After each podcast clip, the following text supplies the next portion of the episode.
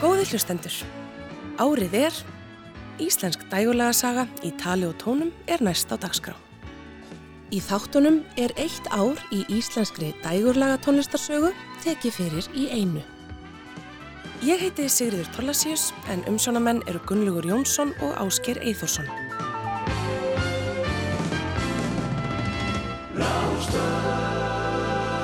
Árið er 1989.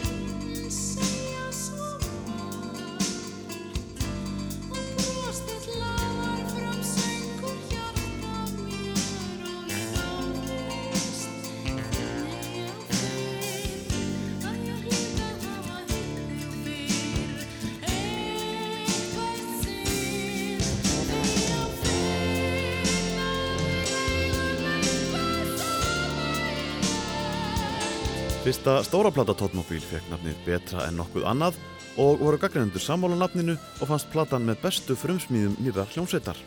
Laugin sameinlegt og stelpurokk gaf góð fyrirheit og stóraplatan sannaði að þarna var komið fullskapa tríó sem vissi nákvæmlega hvert skildi stefna. Öll spilamennska var framhúnskarandi og textarnir vel þess virði að hlusta gömkjæfilega á. Platan seldist ágætlega með við byrjendaverk sem lofaði góðu umframandi.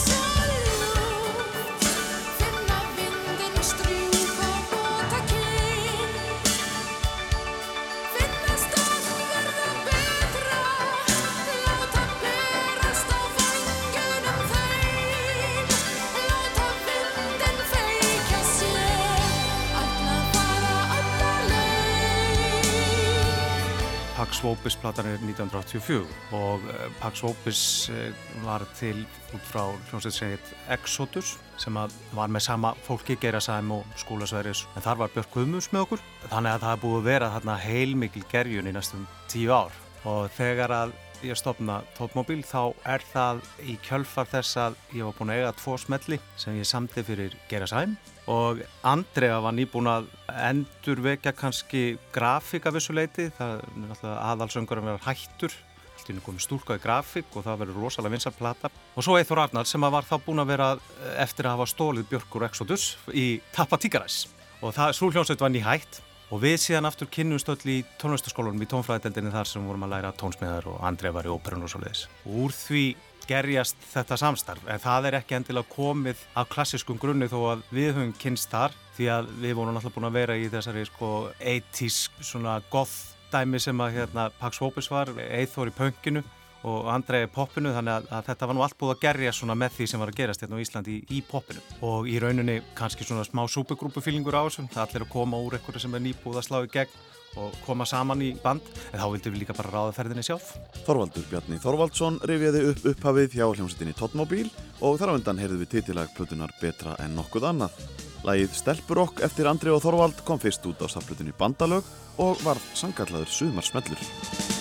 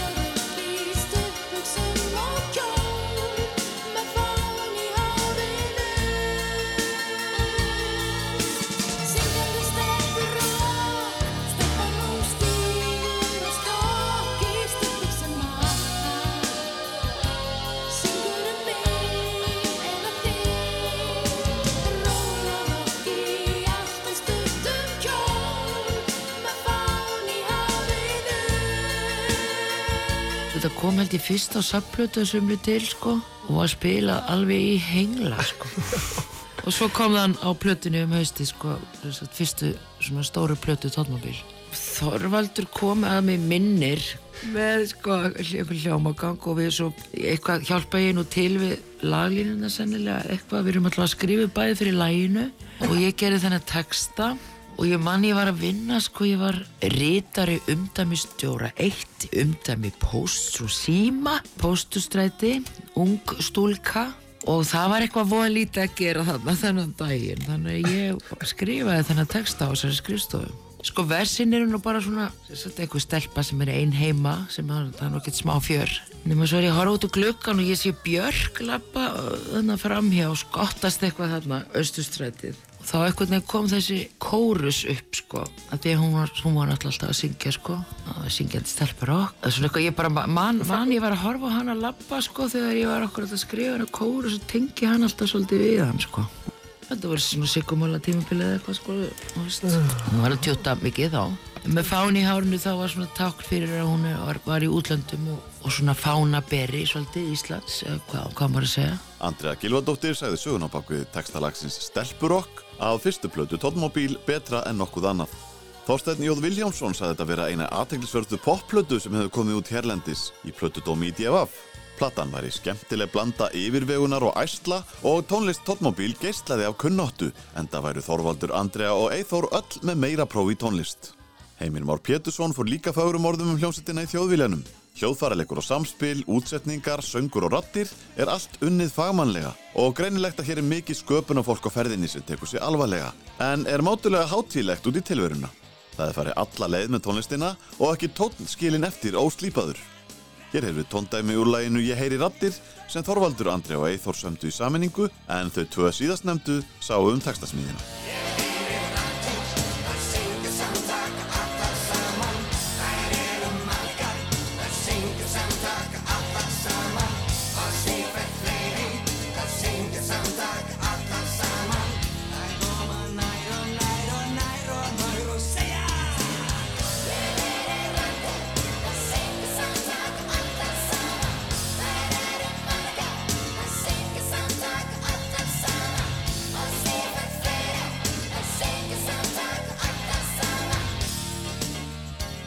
Árið er 1989.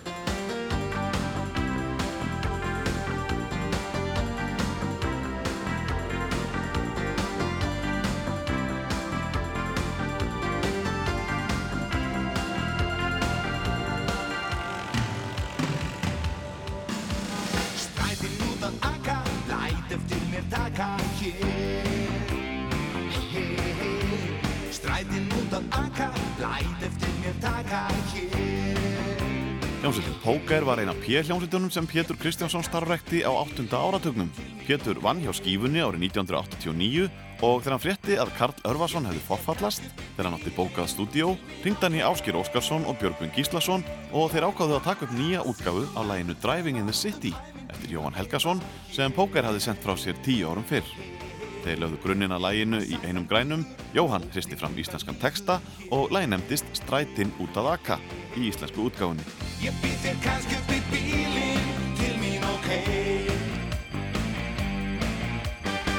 Ég býð þér brátt upp í bílinn til mín ok Bjórin var leifður þann 1. mars 1989 eftir að hafa verið bannaður á Íslandi í heil 74 ár. Mikil umræða skapaðist um þær afleðingar sem tilkoma bjórsins myndi hafa á þjóðfélagið. Umferðaráð hrindi af stað átækjunu Bjór er líka áfengi og fekk Valger Guðjónsson til að semja lag að því tilefni sem fekk nafnið Ég held ég gangi heim. Ég held ég gangi heim, held ég gangi heim Held ég gangi heim, held ég gangi heim Þetta er búið að vera eitt brjálæðislegt geim Ég held ég gangi heim, held ég gangi heim Frá setningu þessara bannlaga 1. janúar 1912 til þessa dags hafa allmörg frumvörp verið flutt á alþingi til breytingar áfengislögunum. Í umræðum um áfengt öl fyrr og nú hefur helst verið fjallað um það hvaða afleiðingar áfengt öl á Íslandi gæti haft fyrir drikkjuvennur þjóðarinnar. Fylgjendur áfenga ölsins hafa haldið því fram að tilkoma þess myndi bæta úr í þessu efni og enn fremur að áfengt öl muni valda því að minna verði neitt af sterkum drikkjum. Anstæðingar áfenga ölsins benda aftur á móti á að tilkoma þess muni auka drikkjuskap, valda aukinni drikkjusíki, auk þess sem hætta sér á að unglingar hefji drikkju fyrr en nú er og enn fremur að hætta sér á að ymsir vinnustæðir verði undirlagðir af ölneislu á vinnutíma.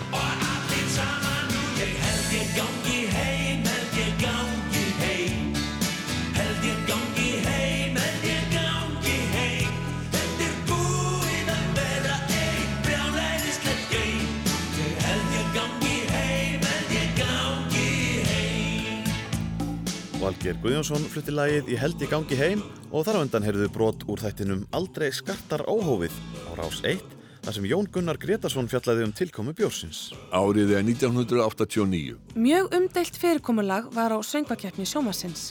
Í stað þess að gefa lagahöfundum tækifæri á að senda einn lag fól ríkisútvarpið Hagvangi að kanna huglandsmanna um hverju rætti að semja lag fyrir keppnina þetta árið.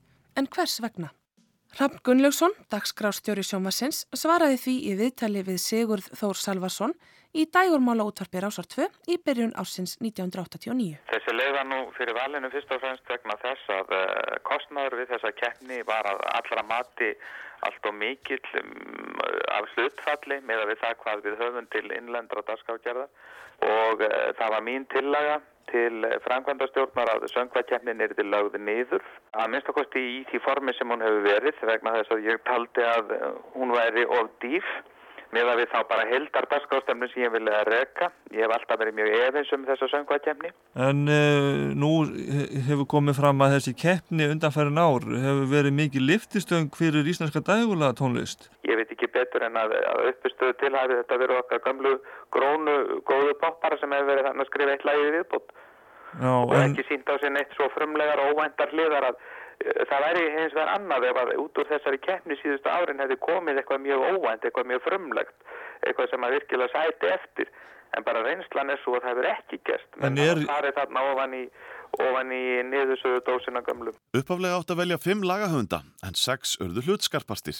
Þeir þrýr sem hefðu átt sigurlagi þau þrjú ár sem Ísland hafði verið þáttakandi í söngakeppni Evróskra sjónvastöða, Magnús Eiríksson, Valgir Guðjónsson og Sverrir Stormsker, auk Gunnar Stórðarssonar og Germundar Valtíssonar.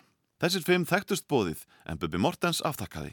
Valgeir Guðjónsson, einn lagahöfundana og formaður félags tónskálda og textahöfunda tjáði sig um þetta nýja fyrirkomulag í sama þætti. nú uh, sjáum við það að þessir fimm þarna efstu, þetta er allt saman gammal grónir uh, popparar og, og lagasmiðir. Heldur að þetta nýja fyrirkomulag hafi gert það í verkum að, að allir yngri lagasmiðin hafi útilokast. Þar sem þeir eru ekki eins þekkt nefn meðal almennings og, og þið fimmmenningarnir. Það gefur náttúrulega auga leið og er í sjálfur sér þetta vond mál fyrir þá sem að hefðu viljað taka þátt í þessari keppni. Ég segi fyrir sjálfa mig að ég var eiginlega búin að gera upp hugminn með það að, að, að hætta á toppnum í 16. sæti í Brussel og láta það bara verða minn Eurovision topp.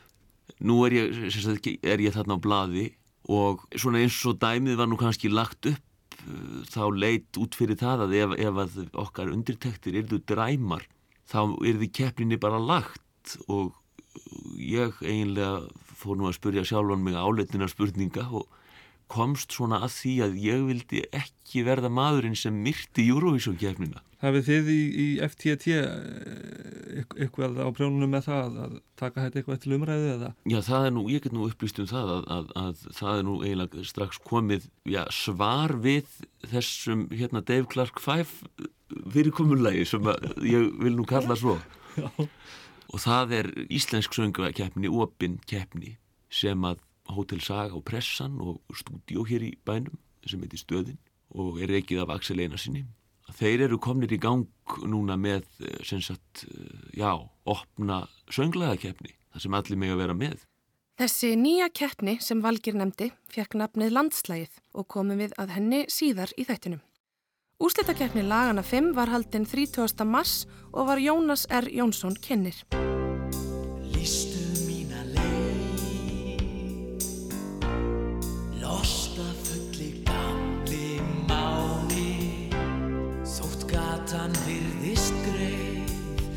er samt dýmislegt sem enginn sér.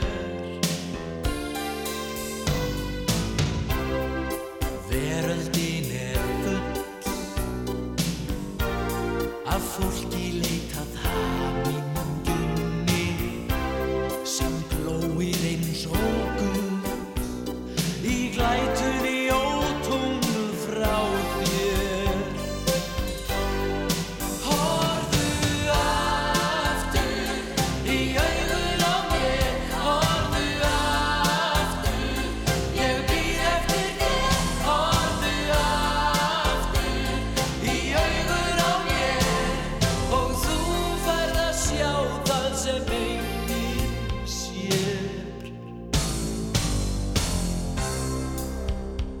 Valgeir Guðjónssonar, Það sem enginn sér, sem Daniel Ágúst Haraldsson söng, fór með sigur í söngvakeppninni, en lag Geirmundar, Alpa Twist og Línudans eftir Magnús Eiríksson voru jöfn í öðru og þriðja seti.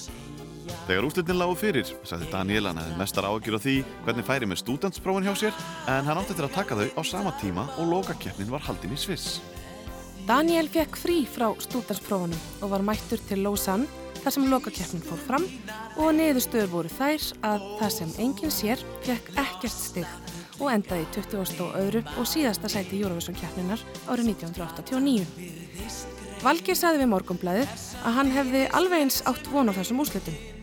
Þeir hefði verið með lítið og látlust lag og enga stæla á sviðinu og það hefði ekki átt upp á pallborðið hjá domnefndinni. Sigurlag keppninar var hins vegar frá Júkoslavíu, Rock Me með hljómsveitinni Rífa.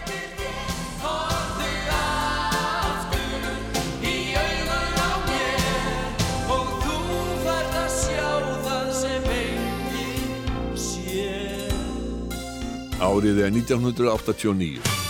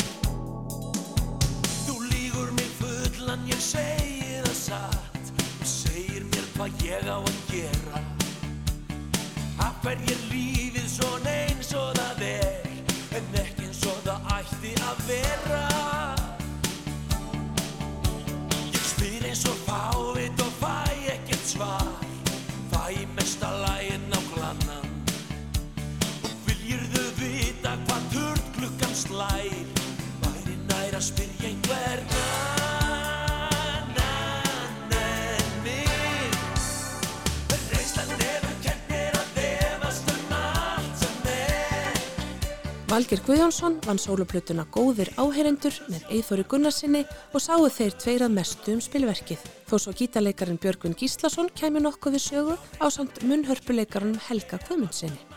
Platan kom ekki út fyrir 23. november og fekk afar dræmar viðtökur plötukaupenda, en Valgeir átti ekki slíku að venjast. Hann sagði Hemma Gunn í viðtali nokkrum árum síðar að hann hefði dottið úr tísku í kjölfar árangursins í Júruvísson-keppninu um vorið. En fannst þér valgir personlega spurning, fannst þér Íslandingar eða fólk snúa baki við þér eftir null árangurinn þarna? Já, Já, það já. reynslu? Ég fann fyrir því og það er auðvitað sárt. Það, ég var, sem það hafði átt mikill velgengna að fagna og ég fann fyrir því að það, væri, það var svona svolítið eins og ég væri með mislingana og það eh, sem sagt stóði yfir í talsverðan tíma. Það er svo erfitt ef þú dettur úr tísku. Það er svolítið erfitt að, að komast í tísku aftur og það, ég tók það ákvörðunar að, að reyna það ekki. Snúa meira öðru og ég sem sagt hef silt inn á önnur mið og er bara farin að veiða annan fisk. Árið er 1989.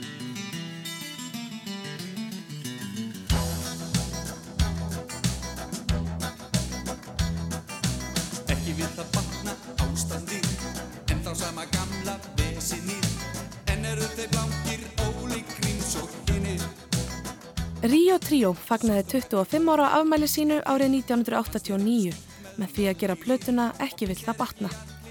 Gunnar Þórðarsson samti fjölda nýra laga fyrir þessa plötu og síðan kallaði hann í félaga sína og saman völdu þeir álitlegustu lögin og sendu Jónasi Fríðriki hirskáldi Ríó.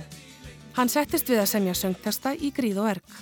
Var þetta í fyrsta sinn á löngum ferli Ríómanna að þeir hljóðrituðu einvörðungu frumsamin lög og fekk platan feiki góðar viðtökur. Enda þóttu laugin hvert öðru skemmtilegra en einna mesta aðtegli vakti lagið Dýrið gengur laust. Já nú mega vífin sko vara sig því vínurinn hann er að búa sig af stað, af stað, já af stað. Hann pressaði bestu vöksurna og bustaði fölsku tennu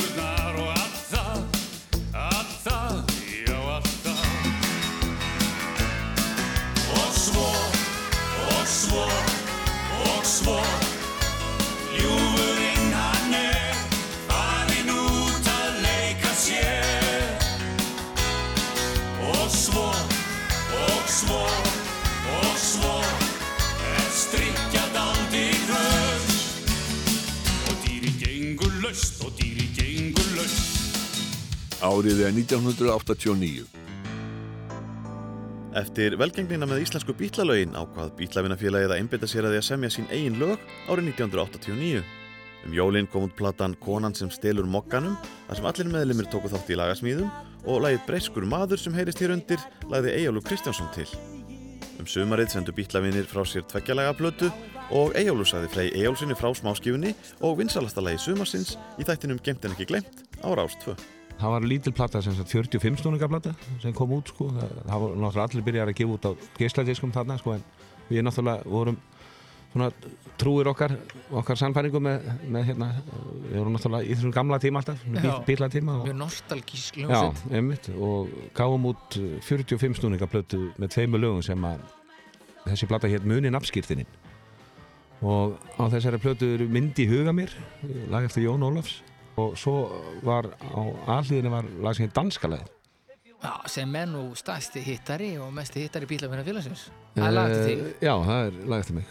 Bæði lag og texti og, og hérna Jú, það er örgulega svona e, það er náttúrulega bara eitt annað lag sem kemur til greið það er þrýsfæri viku en já, já. þó sé nú ekki halla mikið á það lag það held ég að Danskalæðið hafi nú orðið e, einhver stærsti smellurinn okkar. Við gáum þetta lag út 5. júni sem er danski fánadagurinn.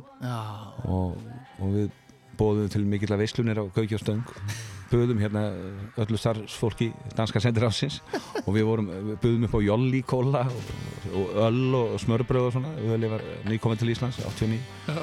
og það mætti enginn. Manstu fyrir langa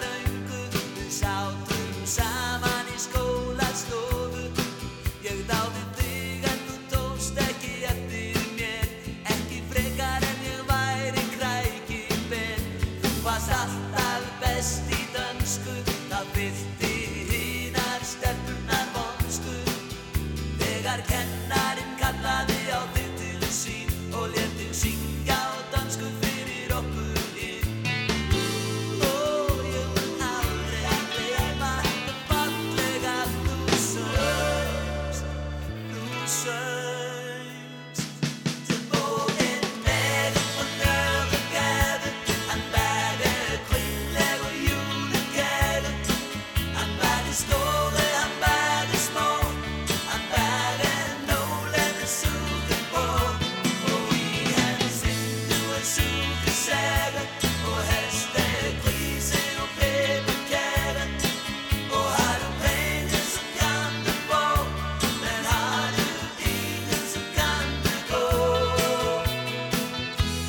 Árið er 1989.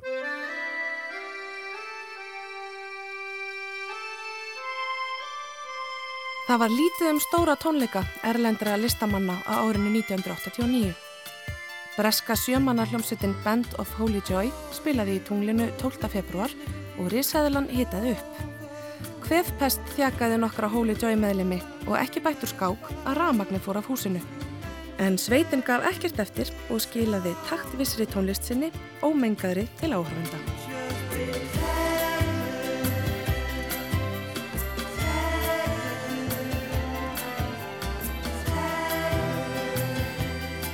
Gamli blúsarinn John Mayall og félagar hans í Blues Breakers heldur tónleika á Hotel Íslandi í lok februar. Mayall hafði stopnað hljómsveitina 1963 og þrátt fyrir tíð mannaskipti hafði hann haldið sínum enginum í blúsnum. John Mayall leik kvöldið eftir á Hotel Borg og vinir Dóra hittuð upp fyrir Blues Breakers. Þar stóð hinn ungi Guðmundur Pétursson sér vel og líkti John Mayall honum við Mick Taylor sem starfaði í Blues Breakers og setna í Rolling Stones. Svo heillaður var gamli blueshundurinn að hann fekk heimilisvang Guðma P. og sagðist þetta að fylgjast með stráknum í framtíðinni. Írska hljómsveitin Dubliners samfagnaði landanum með tilkomi bjórsins og hjælt þrenna tónleika á Ölveri í Glæsibæ og þá fyrstu á bjórdaginn svo kallaða 1. mars. Sveitin hefði tvisar áður komið til landsins og haldi tónleika 1972 í Lugadalshöll og fjórum ánum síðar í Háskóla bíói. Eirikur Haugsson mætti með norsk-íslensku þungarokksveitina sína Arts og hjælt tvenna tónleika á Hótel Íslandi í byrjun mars 1989. Eirikur og norðmennir stóðu sig vel en mætingin var mun minni en reiknað hafi verið með. Dr. Hook spilaði á Hótel Íslandi um vorið og fekk frábærar móttökur. Það góðar að sveitin var afturmætti landsins um haustið til tónleikahalds á Hótel Íslandi og í Sjallanum á Akureyri og diskosveitin Village People heidraði norðanumenn einning með nærveru sinni í Sjallanum sem og á skemmtistænum Hollywood í Reykjavík.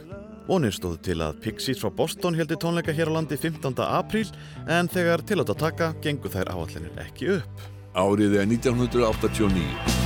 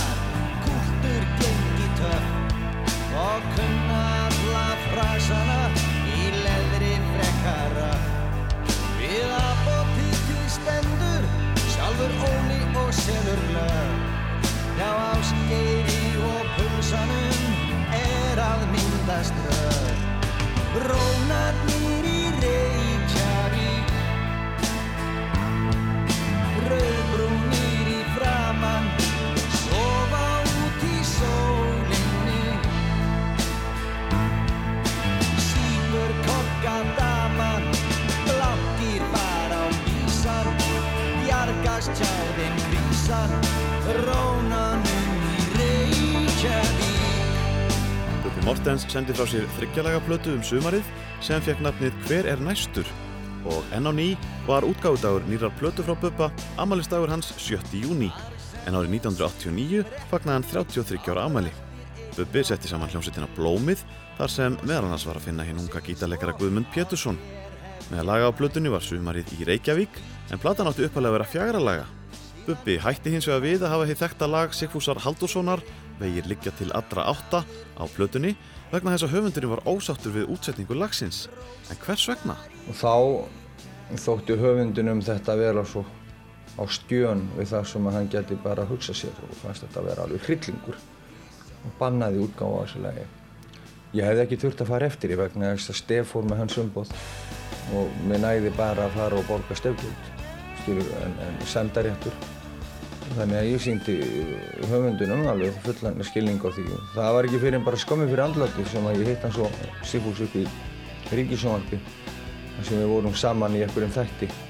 Það sem að svona sættir tókust á mill okkar og sennilega hefur nú lífið í ljútt haft mikil áhrif þar í held ég eh, vegna þess að hann talaði mikið um þá plötu sko, talaði um að ég væri orðin svo þroskað tónlistamæður og svo framvegis og hann er nú að þessari kynslu að lífið í ljúft hefur ekki getað stygt einna en einn nema þá Einar Örn, vinn minn á sínum tíma, hann var eitthvað fúll út af þeirri plötu.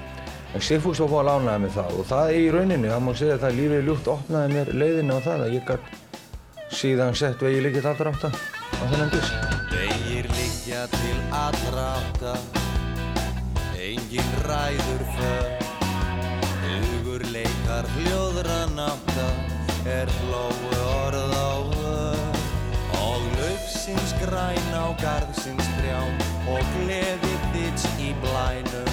Þá voru hjörtun heit og ör Og hamingi okkar bænum.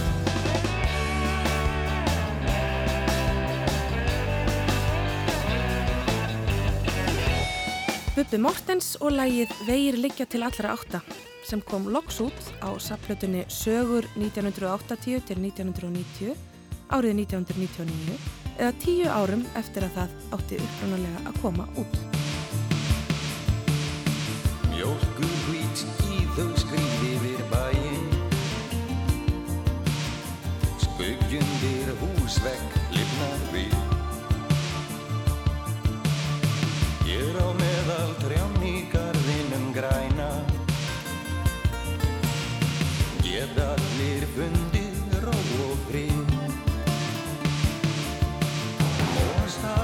entre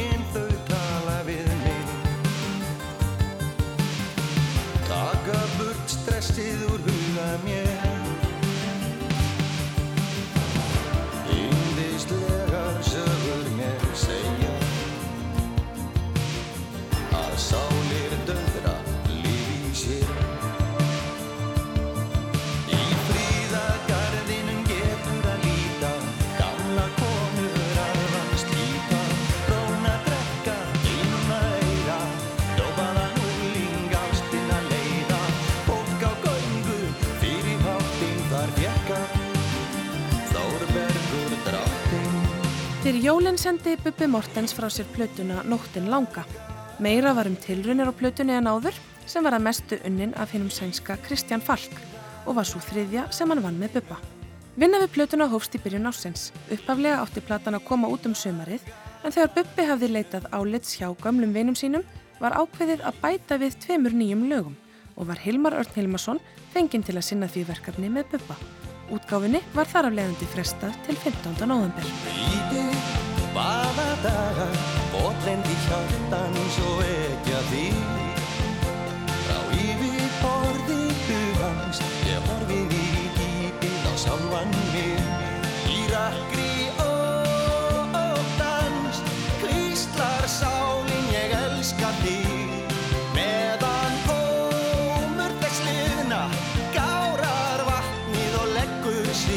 Þetta er doldið mikið Hilmar. Hilmar á eiginlega allan hljóðheimin í þessu lægi og á þessum tíma, þetta er svona, bara ég er heppin, ég lend á Hilmari þarna þegar hann er eitthvað frjóastur og, og mest í krafturinn í honum og mest að sköpunagliðin og þetta lag held ég sem og friðagarn, ég held að þessi tvölög hafi selt plötuna vegna þess að það eru hlutir á þessari plötur sem að hinn alminni svona buppa kaupandi var ekki hrifin af.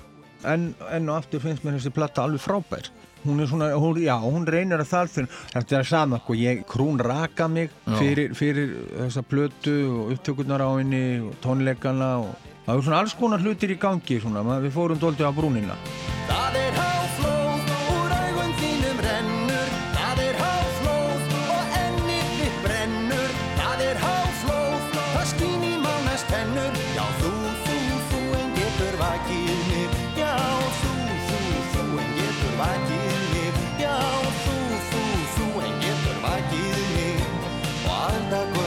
song.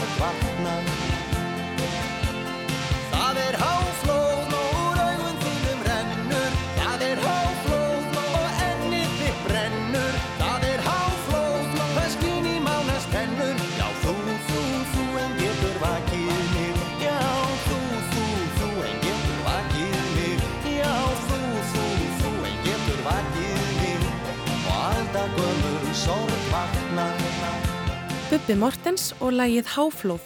Og þar á undan heyrðu við hann segja Frey Eyjólfsinni frá læginu í þættinum Gimt en ekki glimt á Rást 2. Árið er 1989. Barn og aðrir minna þroskaði menn. Fór að gramsi í mínum enga málum Þegar ég var óharnaður enn. Og átti erfitt með að millað málum. Varst að ganga rekur í Til þess að verði fyrir aðgasti mannana Ný dönsk fekk loks grænt ljós hjá útgefandunum Steinari að búa til sína fyrstu breyðskífu. Upptökustjórar voru Rafn Jónsson og Jón Ólafsson. Gripurinn var hljóðritaður í Glaðheimum, hljóðveri sem Bítlavinafélagið átti og starfrækti og platan fekk nafnið Ekki er á allt kosið. Hvernig kemst ég inn þegar allt er orðið hljóð vera með um sinn að djamma fram á nóg Björn Jörundur sagði í viðtali við DFF að þeir eru farið með það veganæsti frá útgefandanum þeir þyrfti ekki að fylla plötuna af hittlögum heldur ættu þeir einfallega að skila af sér góðri plötu sem þeir hafi reynt að standa undir. Björn Jörundur stimplaði sig inn sem einn efnilegasti lagahöfundur landsins en ekki voru allir hrifnir að söng Björns á plötunni. Jón Ólafsson tekur við.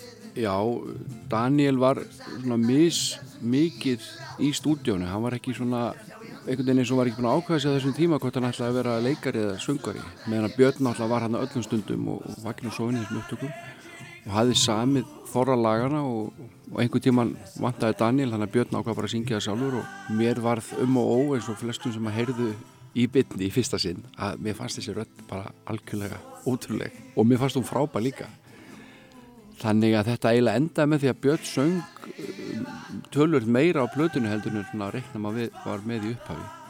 Síðan þegar plötudómandi kom út þá voru nú menn ekki allir og eitt sattir. Sumir voru bara ánaði með þetta og, og platan fekk ágættist dóma en, en ég, mér er minnst að það er dómur sko þar sem að uh, gaggrínandinn, hann bara náði ekki fyrir neði á sig sko út af þess að láta, að láta mann með svona rödd syngin á hljómblutu hún fannst þetta var algjörlega ban allt og, og vittnaði í te texta Björns á plötunni og sagði vandamál þeirra er á andlega sviðinu.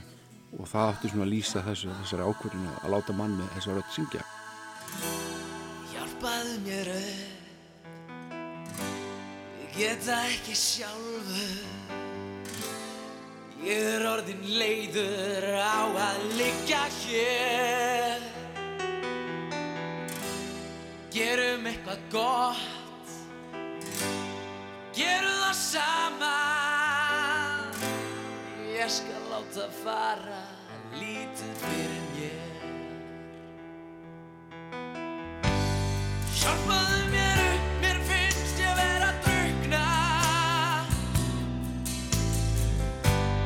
Hjálpaðu mér upp, mér finnst ég vera að drukna Ég man mjög vel eftir þessu plötuöftökum af því að eh, þessir strákar þeir eh, bara heilluðu mig þeir voru, þeir voru mjög ungir sko. ég held að Björn hann hefur verið átjánar þegar vorum að taka þetta upp. Og uh, fram á nótt neini það var nú einhvern veginn sko gerir sér engin grein fyrir því að það lag ætti eftir að verða einhver rútibílasöngur og uh, ég man að ég var einhverjum svona vandraði með lagið sko þeir sungu lagið saman og við, þeir sungu þetta fjórusunum minn og þetta var alltaf tekið upp í einni tökku, einn gítar og tveir söngurar og þá fekk ég alltaf í hugmyndunum að spila bara öll, allar tökutin í einu. Og þess vegna er lægið svona furðulegt sko og maður heyri Daniel hann frasir aldrei eins og þetta er svona út um allt einhvern veginn sko og hérna. Og, og það var aldrei góð hugmynd en neini, engin átt að segja því að þetta lag er eitthvað. En ég man hins vegar eftir því að þegar ég kom heim eftir að Daniel Ágúst hafi sungið hjálpaði mig og þá tók ég uh, mix með mér á krómkassettu og spilaði þetta fyrir fólk og sagði bara að ég hefði á tilfinningunum nú hef ég verið að upplifa eitthvað sögulegt augnablík í Íslenski tónlistasögu þegar Daniel flutti lægið í stúdíónu því að þá allt í hennu fannst mér ég heyra hvað í þeim manni bjó. Því að hann, sko ég var, hefði bara aldrei séð mann svona sleppa sér svona í stúdíói eins og hann gerði í þessu lægi hann bara gjör sannlega reyfus í hjartað eins og glögt má heyra ef að fólk hlustar á síðustu viðlauginu læginu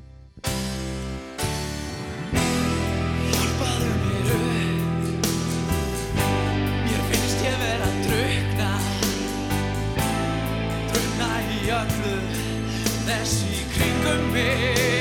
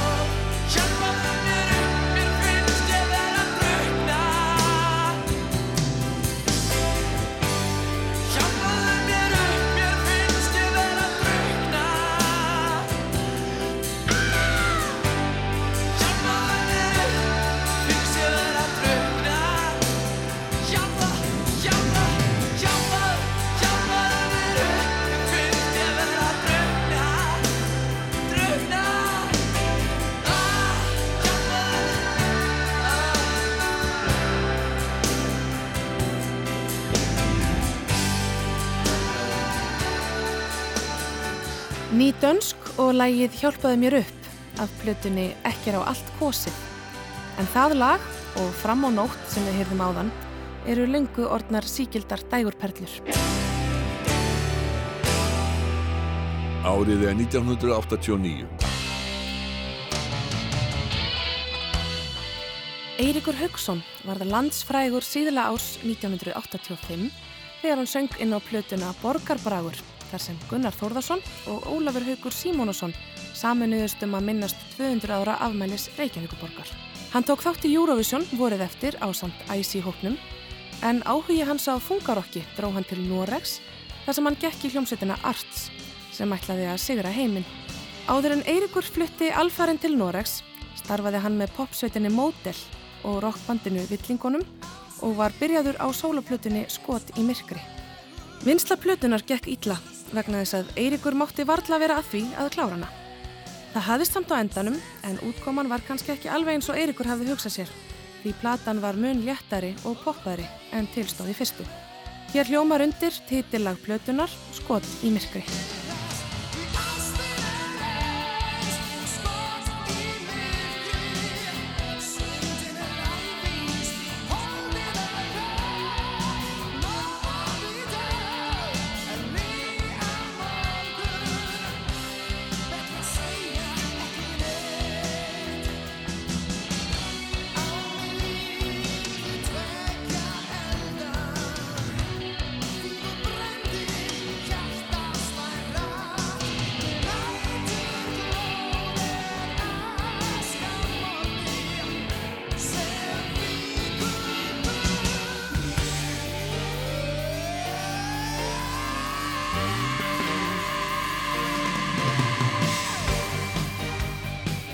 Eiríkur Högson stofnaði hljómsveitina Villingana á samt meðlumum úr hljómsveitinni Tíbrá og gítarleikarunum Sigurkeri Sigmundsinni árið 1988 en þegar hann flutti til Noregs tók Jóhannes Eðsson við sem söngvari Villingana.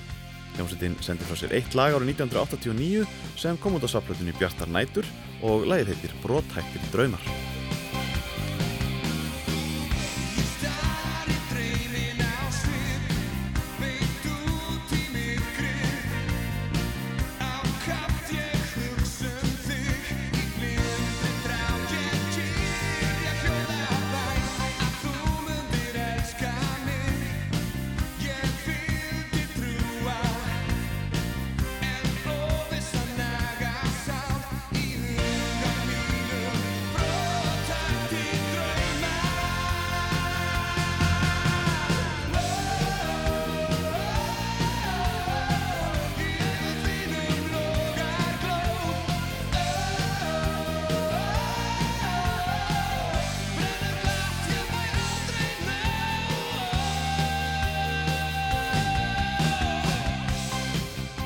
Árið er 1989.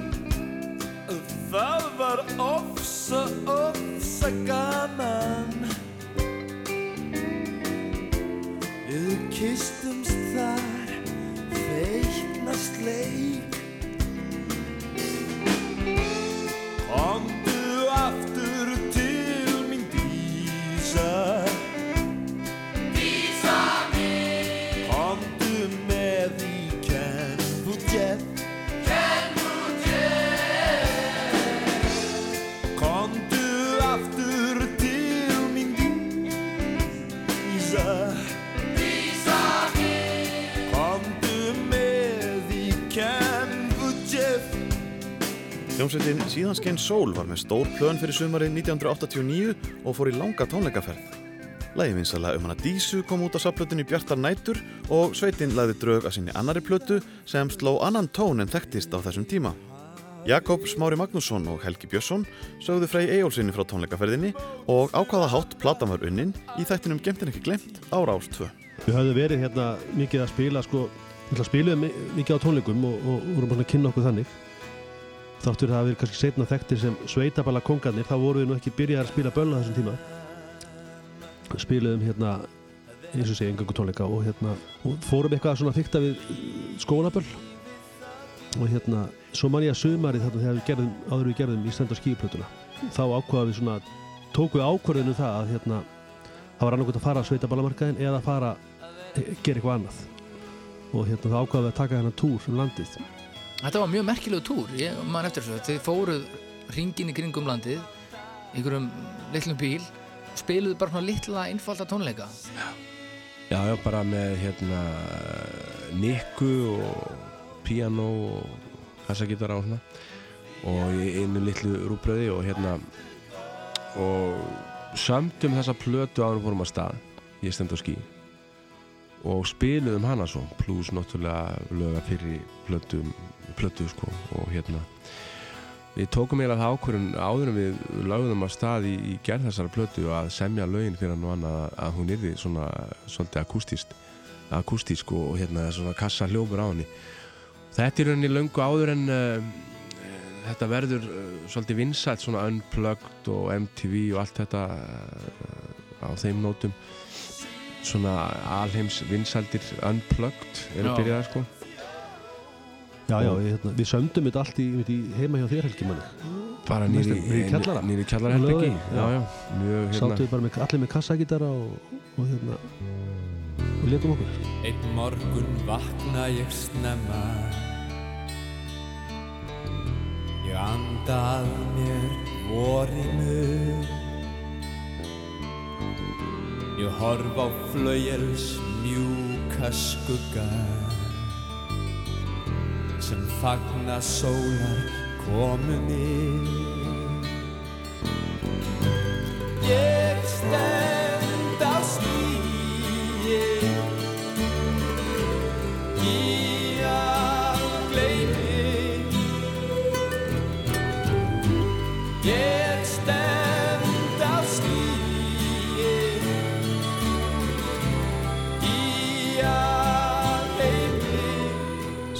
Sól og titilag annarar plötu hljónstarinnar Ég stend á skíi og þarna spiluðu Magnús Einarsson á mandolín og Símon Kúran á fiðlu með sólinni og Raka Gísla söng bakrættir.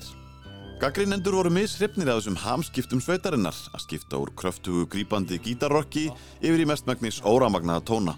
En sumir rósuðu þó sólinni fyrir að þóra að skiptum gýr og sögðu sveitina jafnvíga á rock og róliheit.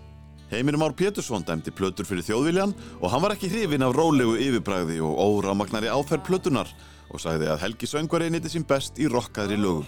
Það væri ekki fyrir enn í sjönda lægi plötunar, ég verði að fá að skjóta þig þar sem platanlóksins byrjaði að hans mati.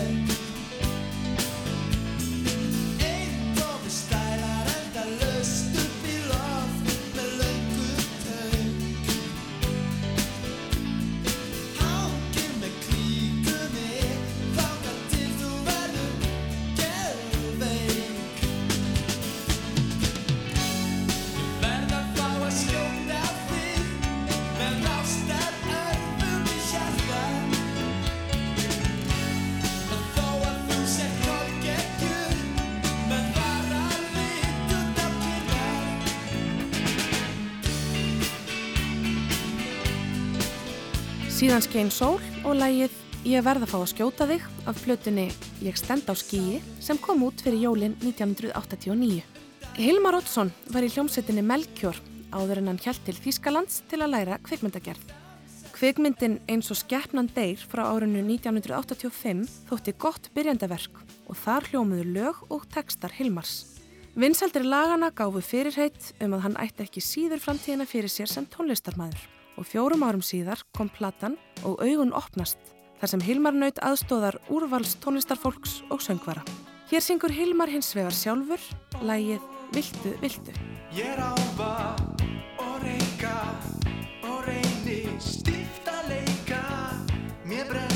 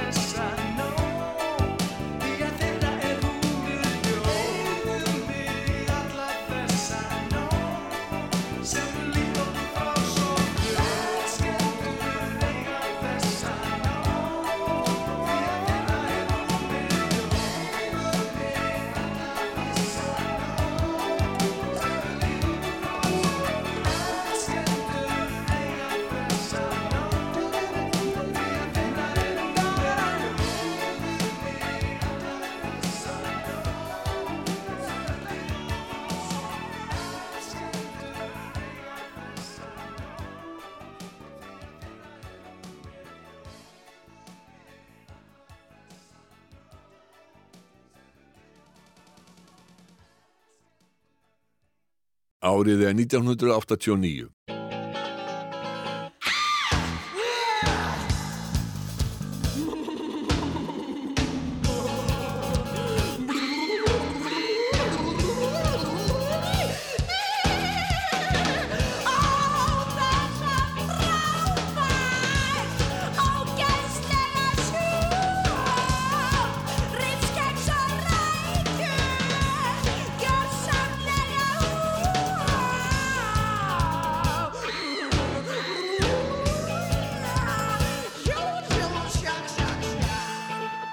Hljómsveitin Risaðilan var stopnuð árið 1984 en sendi ekki frá sig sína fyrstu plötu fyrir 1989.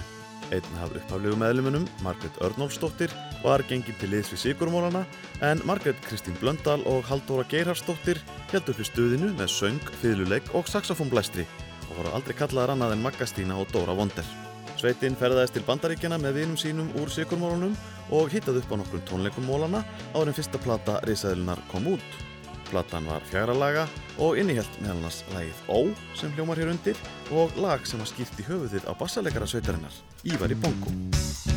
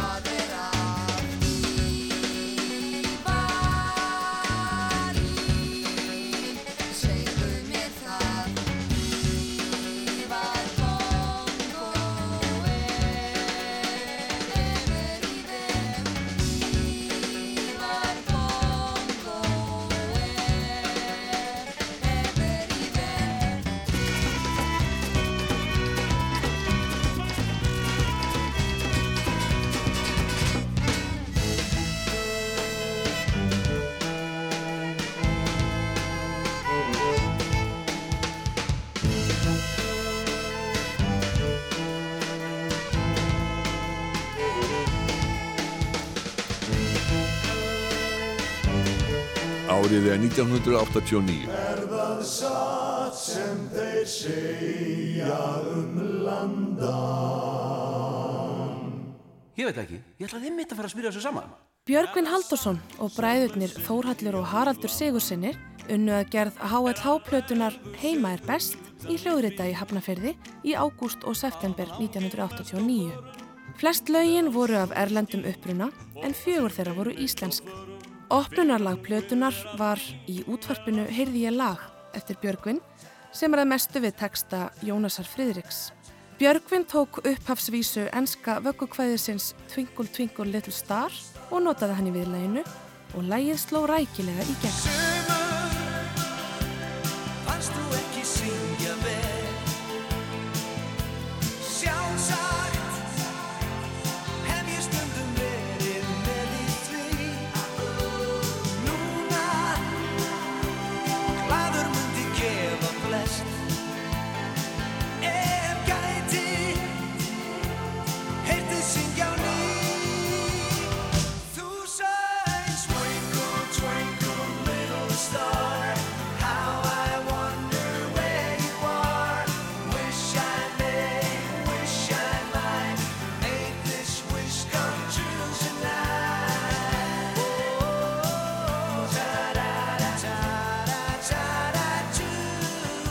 Árið er 1989.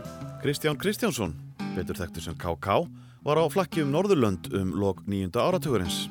Hann starfaði sem böskari og spilaði og söng á götuhornum en árið 1989 stopnaði hljómsveit sem vakti mikla aðtikli og fór í framhaldinu að spila á stærri sviðum, meðal annars við opnun fjölnótahallarinnar Globen í Stokkólmi.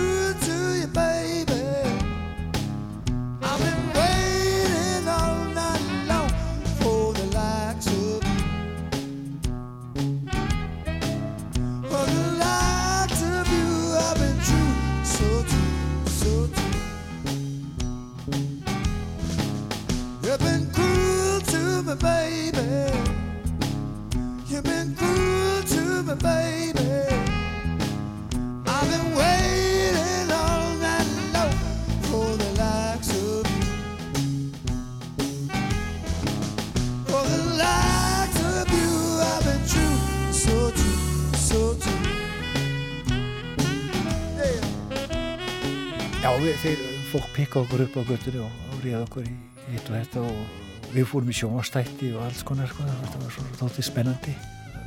Ég fór að spila með Professor Warsport sem var með trommur, elektróniska trommur sem voru dullbúna sem dósir, Campbell's superdósir og svo í þeim voru svona elektróniska trommur þannig að þegar hann sló á Campbell dósina þá hefðist snerill tromma og í hælónum hafði hann svona snerti flöt sem voru bassatrommur og hi-hat og spilaði þetta og þetta leita alveg og það enginn lút sko og var svo með þvottabretti og sem að spilaði líka Professor Warsport og við vorum tveir að spila fyrst og svo fórum við frá Oslo til Stockholm sem haustið og vorum að spila þar og þá hittu við Derek Walker og vorum að spila það einn á saxofón með playback með svona gettoblastir og hann joinaði bandið og það voru konið The Grinders.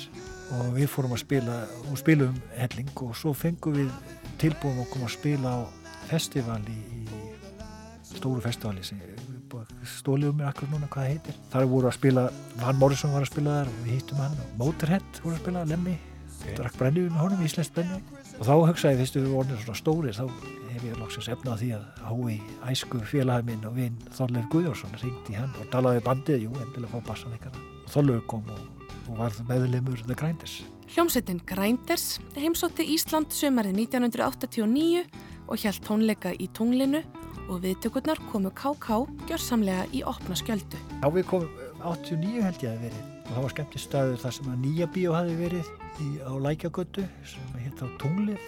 Og við spilum þarna fjögur kvöld í röð og fyrir fullu hús og ég held að það væri bara svona. Ég sýkt að við slegið okkur tón hérna og ég held bara að að spila á Íslandi þá kemur bara allir alltaf. Við komum mjög góða viðtökur. Hérna, já þeir þekktum við einhver leiti sem bróður Elvar en nei, ég, fólk þekktum ekki Oh, it's goodbye, baby. Yeah, it's goodbye, baby.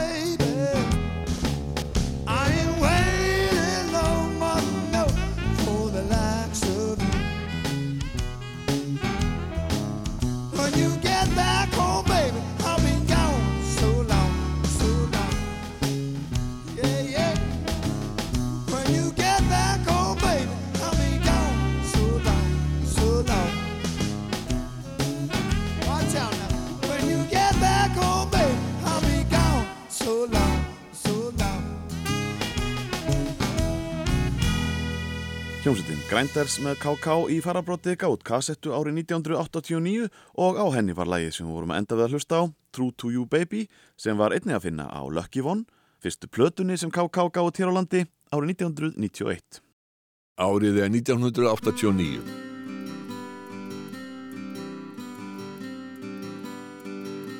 Þegar ágústnóttin nálgast Nýt ég þess að vera til Pæli fram í hugan hortna huldu mei Minna var um skipulaðar útiháttíðir þetta árið en oft áður en þjóðháttíðin í eigum var á sínum stað og Jón Ólafsson samti þjóðháttíðalægið í Brekkunni sem bræðirni Brekkan fluttu. Jón Ólafsson, Bjartmar Guðlöksson, Ejólur Kristjánsson, Stefan Hilmarsson og Latti skipuðu þann flokk og þjóðháttíðagestir voru 8000 þetta árið. Fjölmennasta háttíðin var á vegum stöðmanna í Húnaveri og þangað mættu 9000 manns sem var meira en aðstandendur byggust við. Í Húnaveri var búið upp á tónlistarveislu með stöðmönnum Bubba Mortens, Síðanskein Sól, Nýdönsk og fleirum.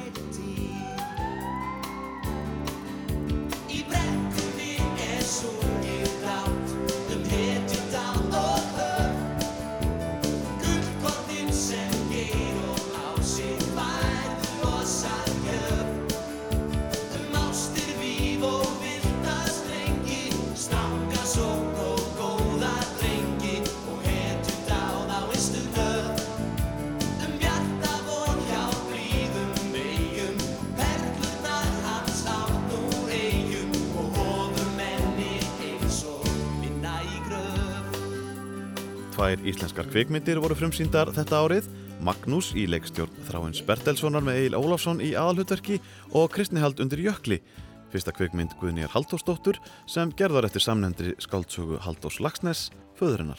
Bjartmar Guðlöksson gerði fymtu plötu sína undir leðsögn Björgvins Gíslasonar og Ásgeis Óskarssonar en þeir áttu ágæti samstarf þegar Bjartmar sandi texta fyrir plötuna Öruglega sem Björgvin gerði árið 1983. Titilægið, það er Puð að vera strákur, fekk ágætis útvarspilum. Það er búið að vera strákur og þurfa að pæli í því. Það er búið að vera strákur og þurfa að pæli í öllu því.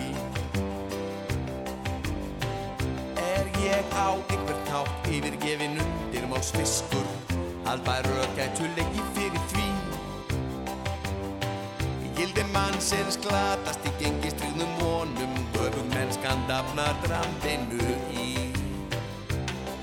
Það er puð að vera strákur og þurfa að kynkja því Árið er 1989.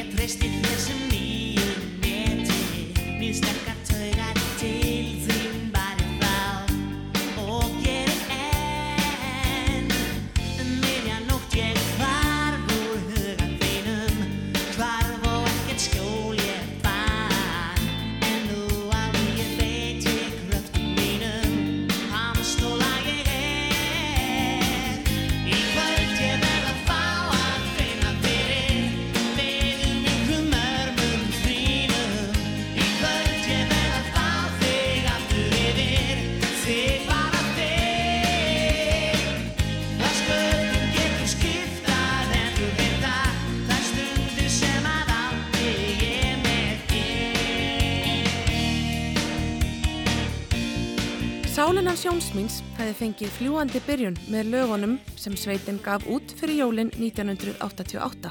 En í byrjun árs 1989 voru hljómsveitameðlimir að undibúa sína fyrstu stóru plötu. Fram eftir ári voru þó töluverðar breytingar á liðskipan sveitarinnar. Friðri kom nú hérna eftir áramót, var það ekki? Jú, Úr Má. Já, já, akkurat, kannastu það band? Já, já. Ég var nú eiginlega hættir í bransunum þegar, þegar ég var búið saman. Magnús Stefánsson var þá hérna að spila á trómur hjá okkur. Já, maður var svona líðast í sundur hýsti þann 88. Ég var búin að fylgjast með sálinn það sumar og öfundaði það mikið, sko. Svo var ég bara hættir í bransunum, það gekk ekki til mér. Ótrúlegt. Ég man alltaf eftir því, ég gleymi aldrei þegar Friðri kom á fyrstu æfinguna og, og einhvern veginn þá límdist allt saman einhvern veginn fóð bandið að virka og maður hugsaði með sér, er þessi maður alltaf þessi ná ekki að hætta í bransanum ég skildi það ekki sko. Það er svo orðin lífseg sagan af því þegar Jens Hansson var ráðinn í bandið, rekin og ráðinn aftur. sko ég hef búin að þetta fylgjast með Jens síðan hann var að spila uh, með hérna Das Kapital og, og Megasi og var mikið gert úr uh, hérna uh, Jens var mjög svona virtur í svona saxofónu sko og hann var að spila með mannakort þarna og við veit þessi sóltengsl sem við höfum hafa mikið barass og svona þá vildu við endilega hafa saxofónleikara og þarna var maður sem gæti spila bæði saxofón og hljómborð. Svo sagði hann allavega. Svo sagði hann allavega. Ég man ég hitt hann einhvern tímann og maður spila á Akureyri og hann var þar og ég hitt hann og spurði hvort hann geti ekki spila á hljómborð hvort hann geti eitthvað. Já, ég er frábær og hérna nú maður tók hann þetta á orðin og ég vildi ekki koma eftir helgi og fara ég var um að taka upp plötu. Og þá var ég held ég ég held að því að verið út á út, í ferðalagi ég náði ekkert í ykkur. Já, ég manna ekki. Vist, þá var engin, hérna, engin gemsar ekki neitt og strákarnir einhverstaðar í útlöndum. Og ég var eitt svona sem held um skútina og, og Jens kemur hérna og ég man að leta hann uh, spila hljómbórlag sem heitir Gefðu mér, svolítið mikið af hljómum hann var ekki Eins og öll al- þín lög. eins og öll mín lög, já hann er nú uh, löngum kvartaði við mörgum hljómum í mínu lögum og hann var ekki alveg að hitta réttu nótina, við vorum þetta búin að vera með Ástald Traustason hérna hljómbórsleikara sem er algjör snillingur og, og svona vanir mjög góðu úr þeirri tildinni og Jens Grey var ekki alveg að gera sig en hann var mikið snillingur á, á saxofónin svo fór ég að spá þetta, þetta gengur aldrei sko. og svona raka nýla halvvegs þannig um kvöldi sko. Svo fór ég að fá svona bakþanga þarna til ég fór að fara að sofa og náði þetta ekkert í steppa eða frissaði neitt svona til að ráðfæra mig þannig að ég tók þá svona ákvörðun morgunin að ráða hann aftur og hringdi í hann og hann hefur verið hann síðan og sér ekki eftir því? Nei, alls ekki.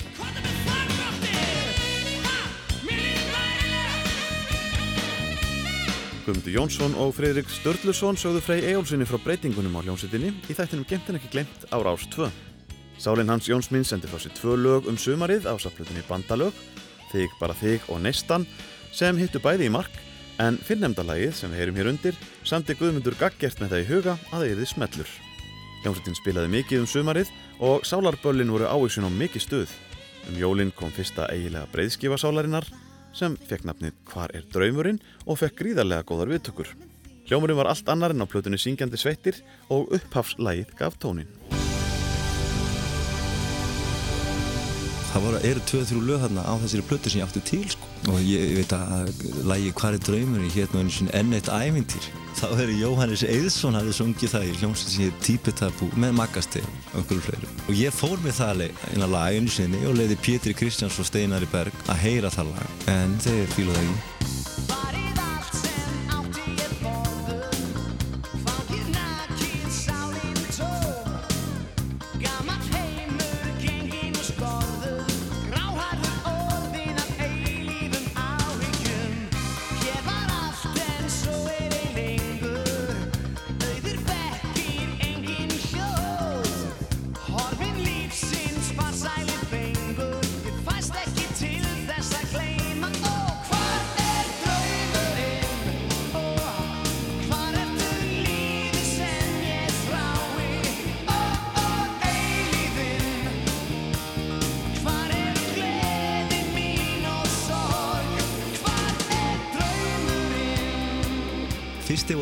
þessa plötu.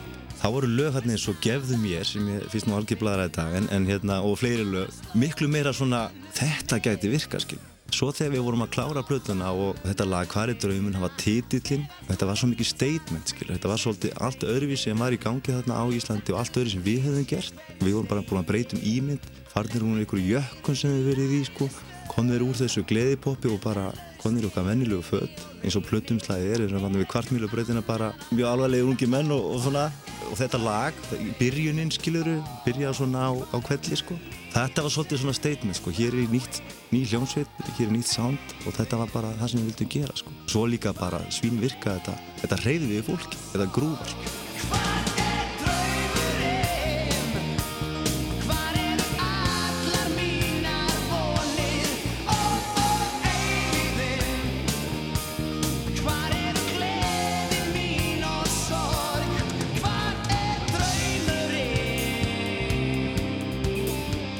Árið er 1989.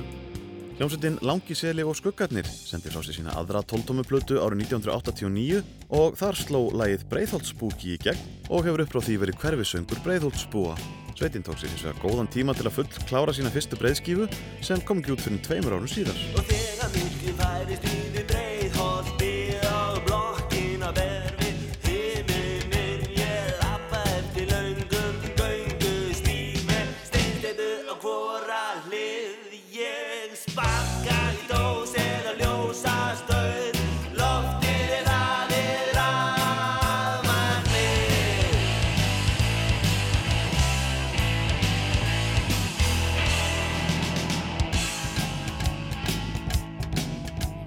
Þjóðsöngur breiðholt Þetta er þjóðsöngur okkar breiðhildninga, ég er nú breiðhildurinn líka. Sami í bílskúri breiðholti Torfufellin á náttúrulega tekið Gungustíðurinn hérna í, hvað heitir langa blokkin aftur? Gíðufell? Já, hún er þarna í þessu Þú ert að labb- steinst- þú með ert að labba steinst- það? Já, eftir löngum göngustíð Það er sá stíður Já, sástígur, hérna, þar sem blokkirna rútnafell og Já. Og meðfram, já, það er stígurinn. Það er stíðurinn og þar eru ljósastöðarnir Svo kemur maður þarna yfir að en það sem bakaríði var Já. Það er sjoppan. Þetta var hættulegu stígur, maður gekk ekki þennan stíg síðulega kvöld, sko. Þetta er alvöru. Og þetta er bara, þetta, þessi text er alveg súper raunsægi út í gegn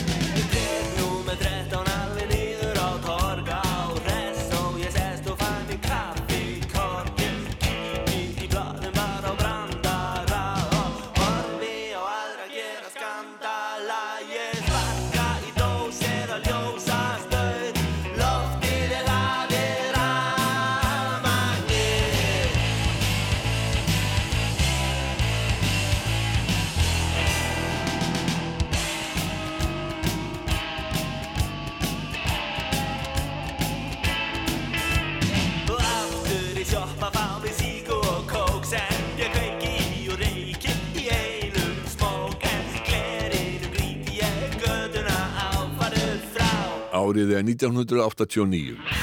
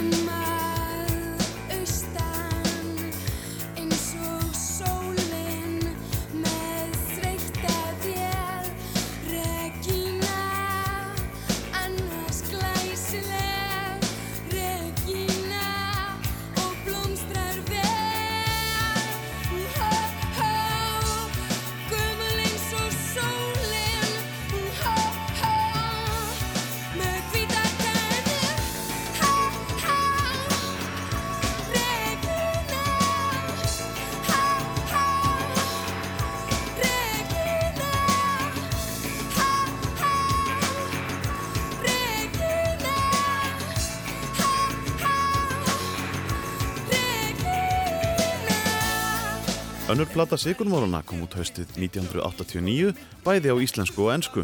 Íslenska útgáfan heitir Íllur Arfur, en svo enska Here Today, Tomorrow Next Week. En Sigurmórnir höfðu það fyrir síð að syngja öll sín lög á íslensku á tónleikum sveitarinnar hér á landi. Eins og undarfærin tvö ár var mikið að gera hjá sveitinni við tónleikahald út um allan heim og mólarnir spiluðu til að mynda á 40 tónleikum á 75 dögum í 15 löndum í Evropatúr á síðustu mánuðum ársins. Björk Guðmundsdóttir sagði skúla Helga sinni frá muninum á fyrstu tveimur plötum sveitarinnar. Í viðtali á Rás 2 skömmu eftir útgáfu plötunar Illur Arfur. Mesti munurinn á Lifestood og, og Illur Arfur er hérna er bara það sem við gengið í gegnum á milli sko. Af því það var ekkit ákveðið að gera eitt í neitt sko. Það var ekkit meðvitað. Munurinn er svona í aðaladriðum að Lifestood var tekin upp á 15 mánuða tímbili í svona 5 mismunandi stúdíum. Meðan Illur Arfur var tekin upp á 2 mánuða tímbili í sama stúdíói sama stúdíónu. Og annar mjög mikið því punktur að Magga er með okkur og semur allt efni frá upphafi eða flest, mest allt efnið það er náttúrulega munar að vera 5 eða 6 sko. Og hérna svo náttúrulega að þegar við spil, tókum upp Lifestood Good þá vorum við eiginlega ekkert búin að það var ekki tilspilað efnið þegar við tókum það upp. Það var mjög lítið tilspilað. Það var bara svona búið að æfa það og það var nýsamið. Og síðan kannski kláraðir hlutir í stúdíónu sko hugmyndir og svona.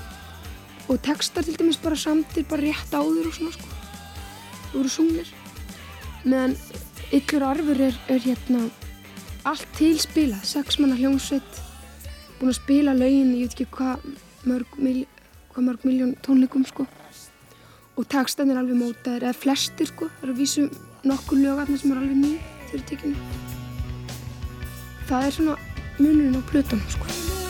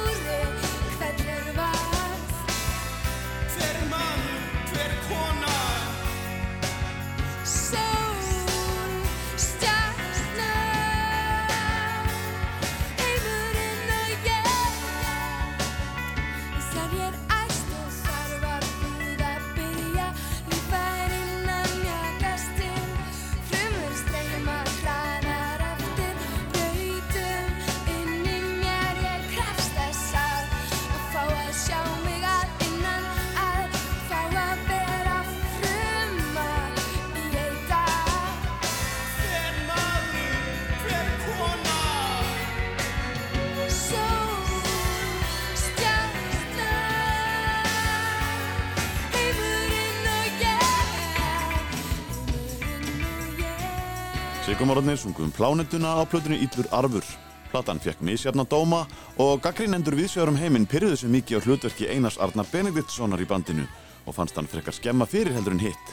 Þrátt fyrir það seldist enska útgáfan Here Today, Tomorrow Next Week í um 700.000 eintökum sem þótti nokkuð góður árangur en fyrsta platan, Life's Too Good, náði rúmlega miljón eintöka sölu.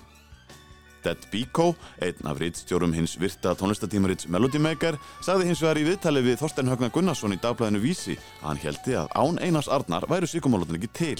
Hann var jafn mikilvægur fyrir hljómsveitinu og Björk, en Melody Maker var fyrsta blaðið til að uppgötva síkumáluna í Breitlandi þegar Birthday var valinn smáskífa vikunar í ágúst 1987 og síðar smáskífa ársins, auk þess sem síkumálunni voru kostnir bjartasta vonin í áramóta uppgjöri blaðsins sama ár.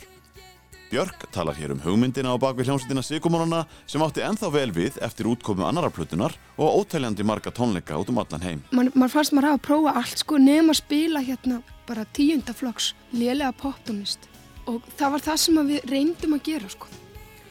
Og þetta átti fyrst náttúrulega bara að vera eitthvað einir, tveir tónleikar en það hefur alltaf bæst eitthvað við, alltaf svona hlaðið utan á sig sko. Að sko það er ennþá sama atmosfér í gangi í dag sko. Þetta er ennþá bara einhver hugmynd sko, hálfgjörst djók. Maður vísu komið svolítið alveg hlið á sig, Ma, maður er farin að spila sko fjóru-fimm sinni í viku og færast um allan heim og þetta er alveg rosalega vinna, það er alveg rosalega ábreðtilfinning og þetta er samt sko, svo ímynd sem við sjálf höfum að síkumálum, er ennþá bara eitthvað svona djók sko, eitthvað svona bara grín sem að gæti þess vegna hægt á morgun. sko.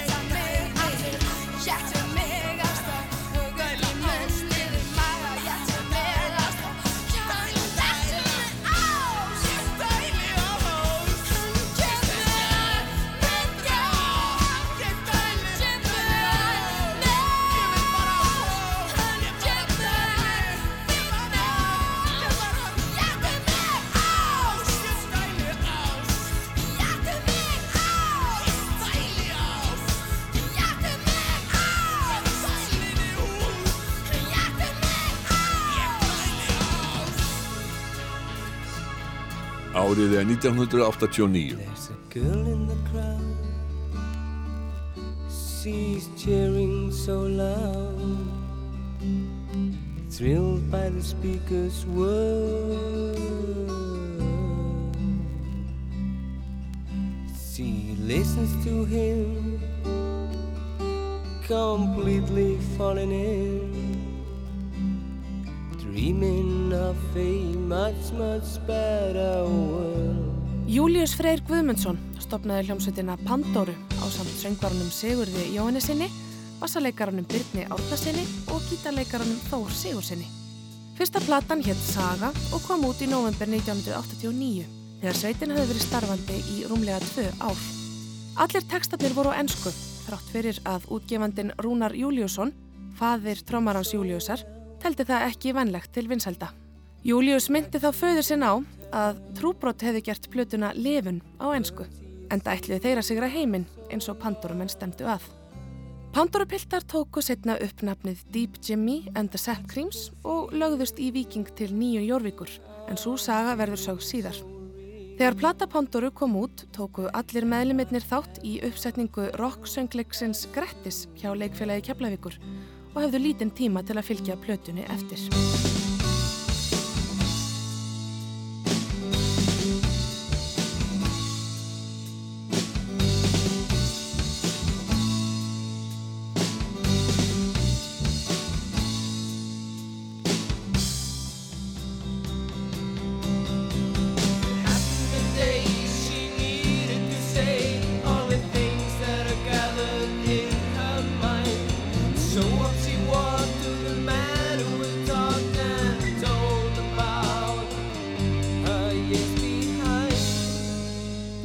Pétursson gaf sjálfur út sína fjóruði soloplötu sem kallast Tryggð og innihildur átta lög. Þekktast þeirra er lagið Brotnar myndir við texta Heimis Más Péturssonar, bróður Rúnars, en lagið slói gegn þegar Rúnar Þór fluttiði í landslagskeppninni voru 1989. Þar hafnaði lagið í öðru sæti og þessi góði árangur í landslæginu var til þess að margir spertu eirun þegar nýja platan kom út haustið 1989. Speiklar sjálfan þig. Á fleti myndir flétta. Farin hæðist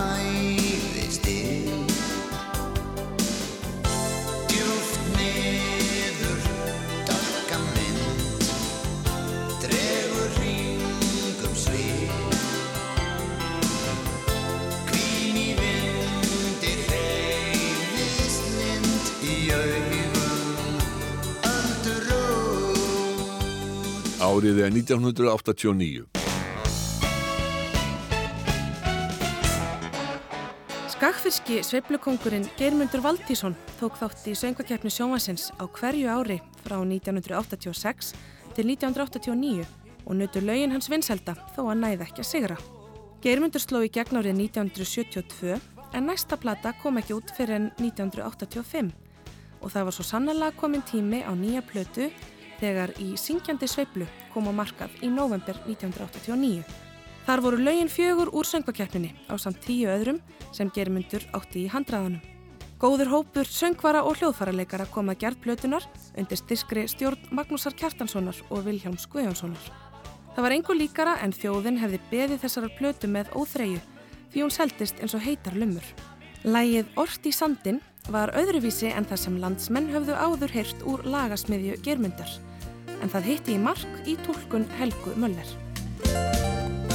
Ástafljó til þín ég yrki í sandin Aldan í víkinni staðin að þvær Burt hafa skólast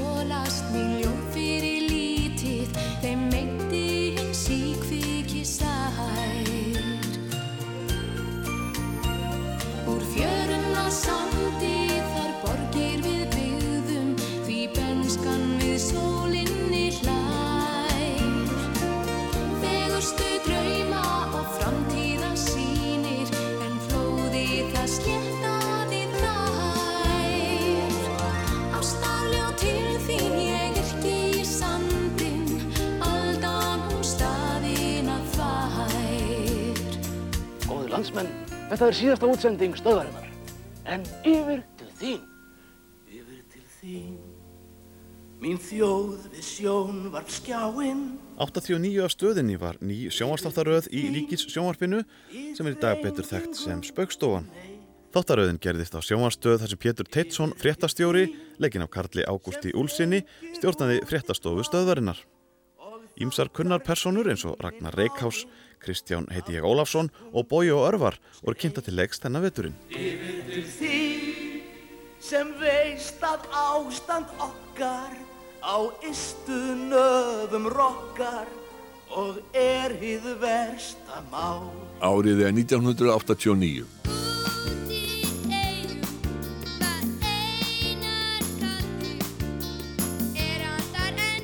Birgir Gunnlaugsson, hljómsveitastjóri og eigandi BG útgáfunar, setti saman barnahópin Rocklingana. Hann valdi krakka úr hópi 160 umsækjanda og börn úr kór seljaskóla voru þar ábrendi. Birgir fekk hugmyndina frá Minipops en það var hópur breskara barna sem gerði samnemnda plötu sem seldist í 15.000 eintökum hér á landi. Rocklingaplatan innihjælt sex lagasirpur og formúlan gekk fullkomlega upp því þetta varð ein af söluhæstu plötum ársins 1989.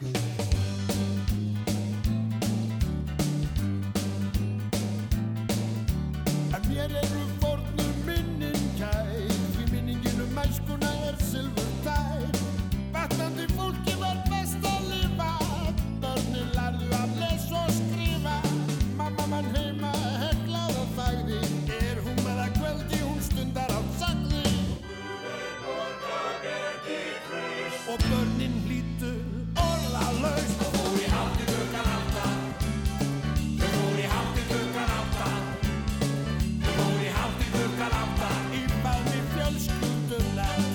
Stuðmenn vöknuðu til lífsins einu sinni sem oftar þegar platan Listin að lifa kom út á þjóðutíðadaginn. Tónlistin var úr öllum áttum og að þessari plötu sannaði gítarleikarinn Þórður Átnason að hann kunni þá list ekki síður en aðrir í sveitinni að semja grípandi lög og gladbeikta söngteksta eins og heyrist í opnunarlagi plötunar í hátinn klukkan átta. Það kom skemmtilega óvart að Sigurður Bjóla Garðarsson mætti sterkur til leiks og söng eigið lag og teksta í nótt. En hann hafði ekki sungið á stöðumannaplötu síðan á Tífóli sem kom út árið 1976. Einhver kemur, segir halló Vindurinn þýtur um stræti og torg Allir kúast á lífinu öllu því í nótt, í nótt Valger Guðjónsson tók þátt í að semja fjögur af lögum plötunar en tók að öðru leiti ekki þátt í gerð hennar. Og listin að lifa var því fyrsta platan þar sem Valger var ekki hluti af stöðmannahóknum. En hvers vegna hætti Valger í stöðmannum árið 1989? Þetta endaði reynda með því að ég var einhvern veginn alveg komin út í hotn þarna og bæði, eða svona, já, tónlistarlega getum við sagt og eins bara það að, að svona hlutir í mínu engalífi sem bara kölluðu á það að, að, að ég verði ekki að spila á sveitaböllum fram á morgun alltaf. Við vorum komin nokkuð við aldur þarna við að við hérna það sem þá týðkaði sko. en þetta var eitthvað bara sem ég varð að gera og þetta, svo var þetta náttúrulega gert af einhverju máli þetta búa til alls konar sögur og þetta hafi verið allt í, í einhverju voðalegri steik en ég tók nú samt þátt í að gera lög á næstu, að plötuna eftir að ég hætti sem að það sem að ég laði inn meðal annars hérna bráðum kemur ekki betri tíð sem að Þórður vinnu minn tók og, og, og, og hérna batnaði svo eftirminnilega með stórfenglegum texta sem að ég held að sé nú hlýtur að vera í, í, í, sem íslensku daglulega texti í einu af, af topp einn sætunum. Það er svo snildarlegt ég kom með sem sagt texta eða svona þessa hugmynd bráðum kemur ekki betri tíð en hann tók hann bara á lofti og sett hann í, í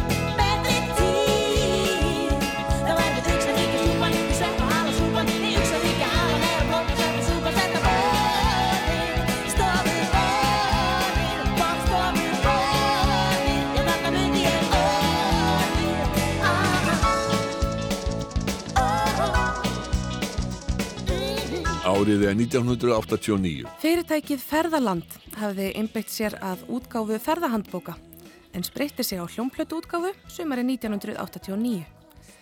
17. júni kom út breyðskífan Ísland er land þitt þar sem Magnús Tór Sigmundsson flutti ný lög sín við áttaljóð eftir Kristján frá Djúpalæk. Titillægið Ísland er land þitt hafði Magnús Tór samið árið 1982 við ljóð Margreðar Jónsdóttur Rittstjóra Barnablaðsins æskunar fyrir plötuna Draumur Aldamótabarnsins. Á þessari plötu söng Bubbi Mortens lægið og rann andverði tíundu hverjar plötu til skóræktar átaks sem hefði átti árið 1990 í tilefni þess að Skóræktarfélag Íslands fagnaði þá 60 ára afmæli sínu. Rúnar Marvinsson, matsveit sem rak veitingastæðin við tjörnina og kokkaði á sumrin fyrir gesti Hotel Búða á Snæfellsnesi, söng með veiðifélagi sínum Magnúsi Þór í læginu Huggast við hörpu. Ljómarnir ilja Þeim hjörtum sem njóta vilja. Holt er að hylja Sem harm eftir gengin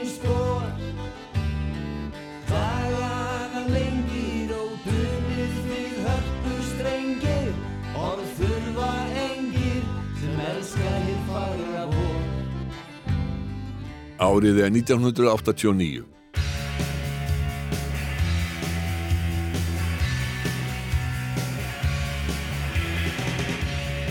Fyrstu útgefnu lög hljómsveitarinnar Daisy Hill Puppy Farm var að finna á sapnkassetunum Snarl 1 og 2 sem erðanumúsik gaf út ára 1987. Forsprakki sveitarinnar var Jóhann G. Jóhansson sem síðar starfaði með hljómsveitum á borðið Ham, Luke og Apparat Organ Quartet. Fyrsta plata sveitarinnar var fjagralaga og kom út ára 1988 á Íslandi og í Breitlandi.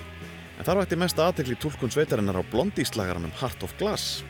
Daisy Hill Puppy Farm var undir greinilegum áhrifum frá skosku hljómsveitinni Jesus and Mary Jane og önnur plata sveitarinnar, Spraycan, kom út árið 1989. Hún var líka fjaralaga og reyndist þeirra svanasöngur tríósins. Hér heyrðum við brot af læginu Crushers með Daisy Hill Puppy Farm.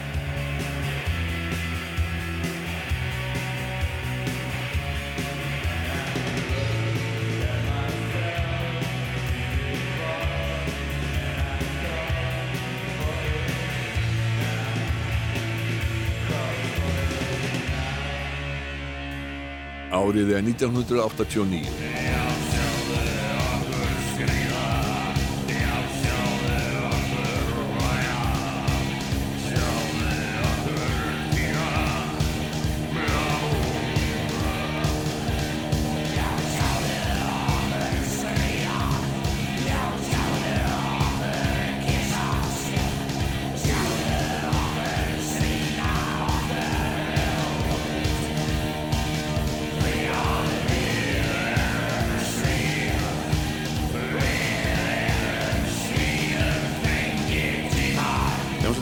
sendi frá sér sína fyrstu breiðskifu Buffalo Virgin árið 1989 og kom platan út á vegum enska útgáfufyrirtækisins One Little Indian.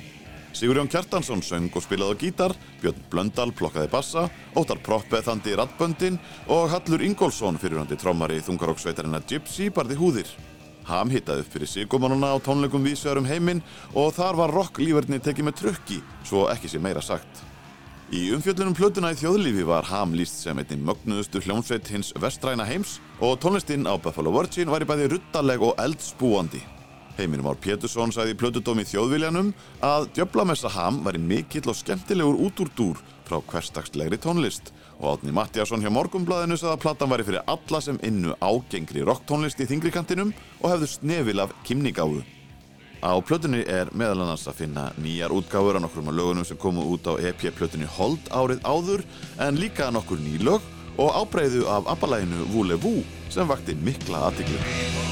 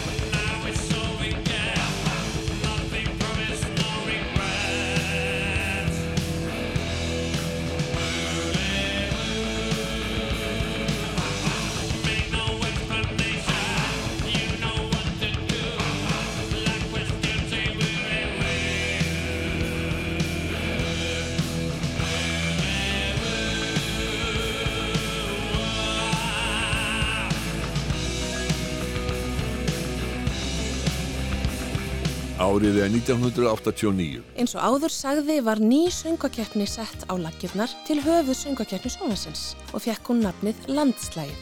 Þar gafst öllum tækifæri að senda einn lag og voru tíu lög valinn til þáttöku í lokakeppninni.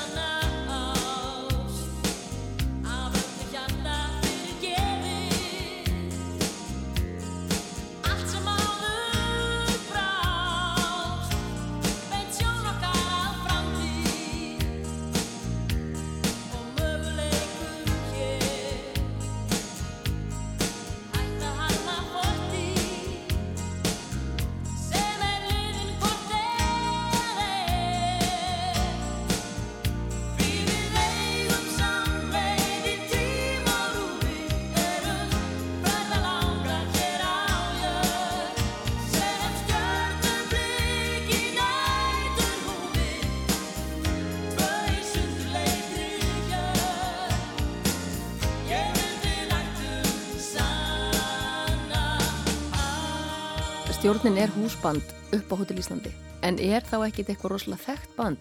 Það var búið að vera starfandi held í rúmt ár og þá var Alda Björk Ólafsdóttir sönguna. Þetta var upp á Hotel Íslandi upp í Ármúla og hérna ég var í sjóiðar þau voru sett alltaf upp sjó hérna, hann Óli Löf.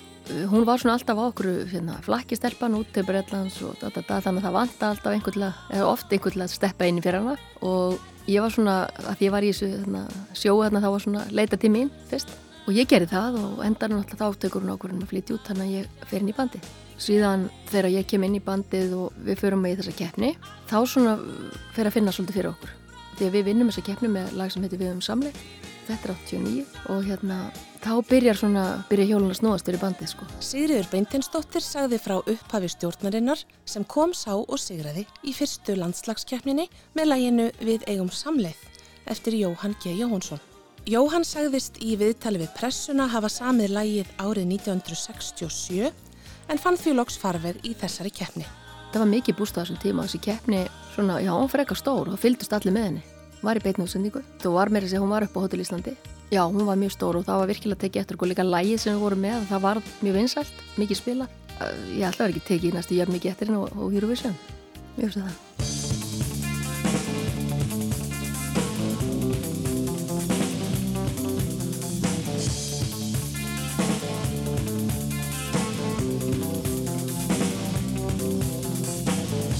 Konur, börn og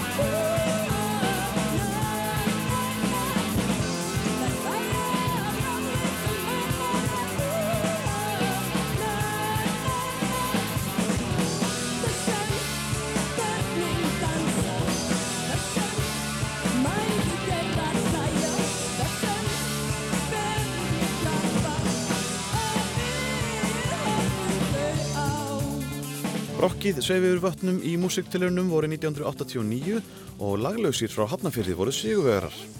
Í öðru sæti var þungarokkljónstinn Bootlegs en nýbylgjurokksveitin Bróðir Darvins frá Akranissi í því þriðja. Við heyrum hér Bróður Darvins með Orra Harðarsson og Önnu Halldórsdóttur í broti fylkingar. Flytjalagið er allt kannski sirkus en hljómsveitin Bootlegs sendi frá sér plötuna WC Monster á sínu þriðja starfsári undir lok ás 1989. Platan var sett á bannleista á útástöðunum Stjörnunni og Bylgjunni en seldist samt í nokkur þúsund eintökum og fekk góða dóma í belgísku blaði og hlaut titilinn Plata vikunar í morgunblæðinu. Jón Örn Sigursson var söngvari og gítarleikari, Guðmundur Hannes Hannesson gítarleikari, Ingimundur E. Þorkjálsson bassarleikari og Kristján Ásvaldsson trommari. Hér erum við brot úr titilagi plötunar þar sem sungið er um klósett skrýmslið óurlega.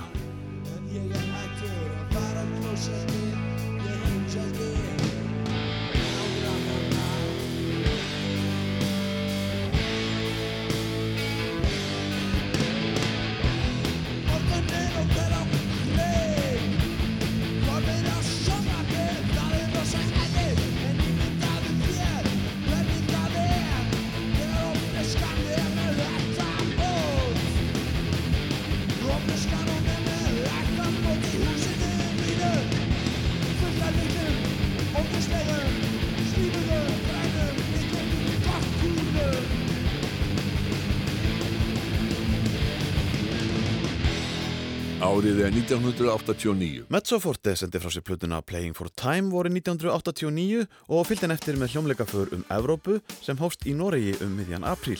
Platan fór beint í tíundasæti þær í landi og síðan hjælt ferðin áfram um norðanverða Evrópu.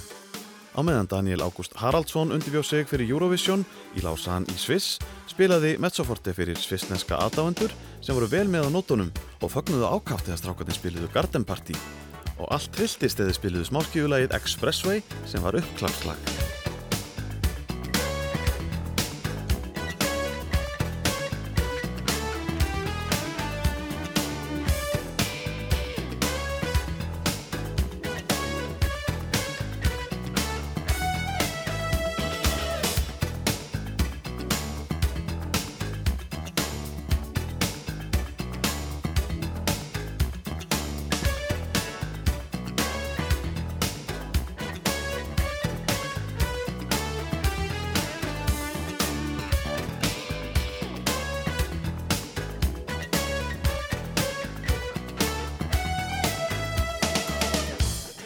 Árið er 1989. Það voru mikil umskipti í plötusölunni árið 1989 frá því sem var árið á undan. Heildarsala íslenskra og erlendra hljómplatna náði 300.000 eintökum, tvær plötur fengu platínu viðurkenningu og 11 fengu gull viðurkenningu. Þegar litið er á tíu söluhæstu plötur árana 1988 og 89 kemur í ljós að salan jógst um rúmlega helming á milli ára. Söluhæsta plata ársins var Nóttin langa með Bubba Mortens sem fór í 14.500 eintökum. Fyrsta plata Sálarinnar Hans Jóns Míns sem innihjælt einvörðungu frumsamin lög Hvar er draumurinn seldist í 12.500 eintökum og næst á eftir komu tvær plötur sem seldust í 9.500 eintökum. Ríó-platan Ekki vill að batna og plata Germundar Valtíssonar í Syngjandi sveplu. Og þá er árið 1989 á enda. Ég heiti Sigriður Torlasíus, umsjónumenn þáttarins eru Ásker Eithórsson og Gunnlaugur Jónsson og Jónatan Garðarsson aðstóðaði við handritskerð. Og við tökum svo þráðinn á sama tíma og sama stað eftir viku og förum þá yfir íslenska tónlistarárið 1990.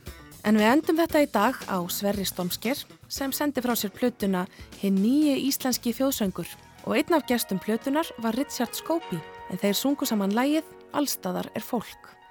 Takk fyrir að hlusta. Hver hátíðlegt er heimsinnslegt, heimst og leifi tamt. Svo gáfna trekt og lúalegt, svo lúmst og íhalsamt. Mjög er normalt mannfólkið og mett af bábiljum Svo þungbúið er þetta lið og þröngsýnt með afbreyðum Samt er nákvæmlega sama